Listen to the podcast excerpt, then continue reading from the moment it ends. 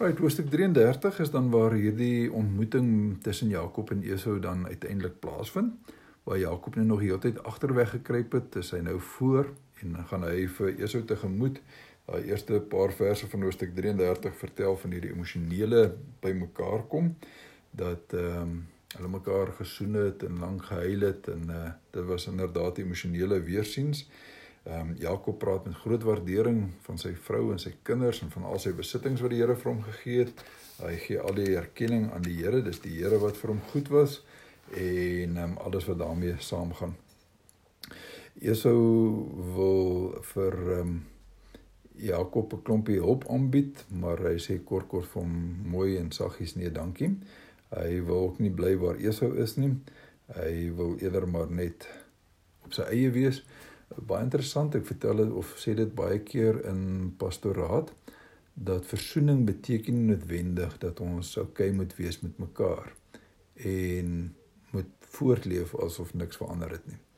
Jakob en Esau se verhaal is vir my altyd die voorbeeld daarvan. Alhoewel hierdie manne mekaar gesien het, uh vrede gemaak het, het hulle daarna nooit weer regtig met mekaar kontak gehad nie. Elkeen het sy eie pad gegaan.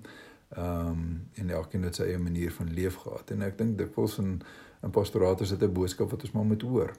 Ehm um, ek veral rondom gevalle waar daar molestering plaasgevind het of uh in egskeidings en daai tipe van gevalle is 'n partytjie nodig dat ons ons nie partytjie nie ons moet altyd die pad van verzoening eers stap maar daarna is dit nie nodig dat ons pelle pelle moet wees en en ehm um, by mekaar moet heeltyd wees en al daai tipe van goeters nie.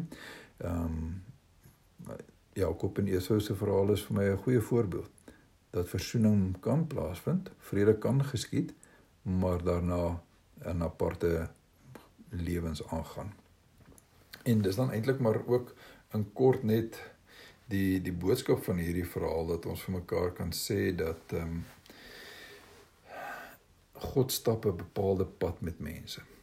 En en hy kan selfs van die mees bedrogvolle mens, die mees mens wat die meeste manipuleer, die ou wat alles op sy manier, sy manier probeer doen, kan God iemand anderster maak. Ehm um, God was nie net goed vir Jakob in die sin van dat hy vir hom 'n ryk man gemaak het nie, maar hy het hom ook 'n man van karakter gemaak. Hy het hom ryk in karakter gemaak. Hy het vir hom in sy geloof gevorm. Ehm um, deur hierdie hele proses. So 'n slegte paai is nie noodwendig altyd sleg nie. Uh slegte paaie kan ook uiteindelik uitloop op iets goeds en iets moois, soos wat inderdaad met ehm um, wat met Jakob gebeur het. Ehm um, hy het 'n baie slegte pad geloop. Ehm um, hy's maar dikwels self bedrieg soos wat hy bedrieg het, maar ten spyte van dit alles het het God uh, 'n nuwe mens in hom gevorm sodat hy inderdaad van bedrieër na begenadigde genoem eh, verander kon word. Dis dan aan die einde van hoofstuk 33. Volgende keer gaan ons verder. Mag jy eh, 'n mooi Woensdag of wat wanneer jy ook al hierdie hierdie recording luister, mag jy 'n mooi dag hê. Bye.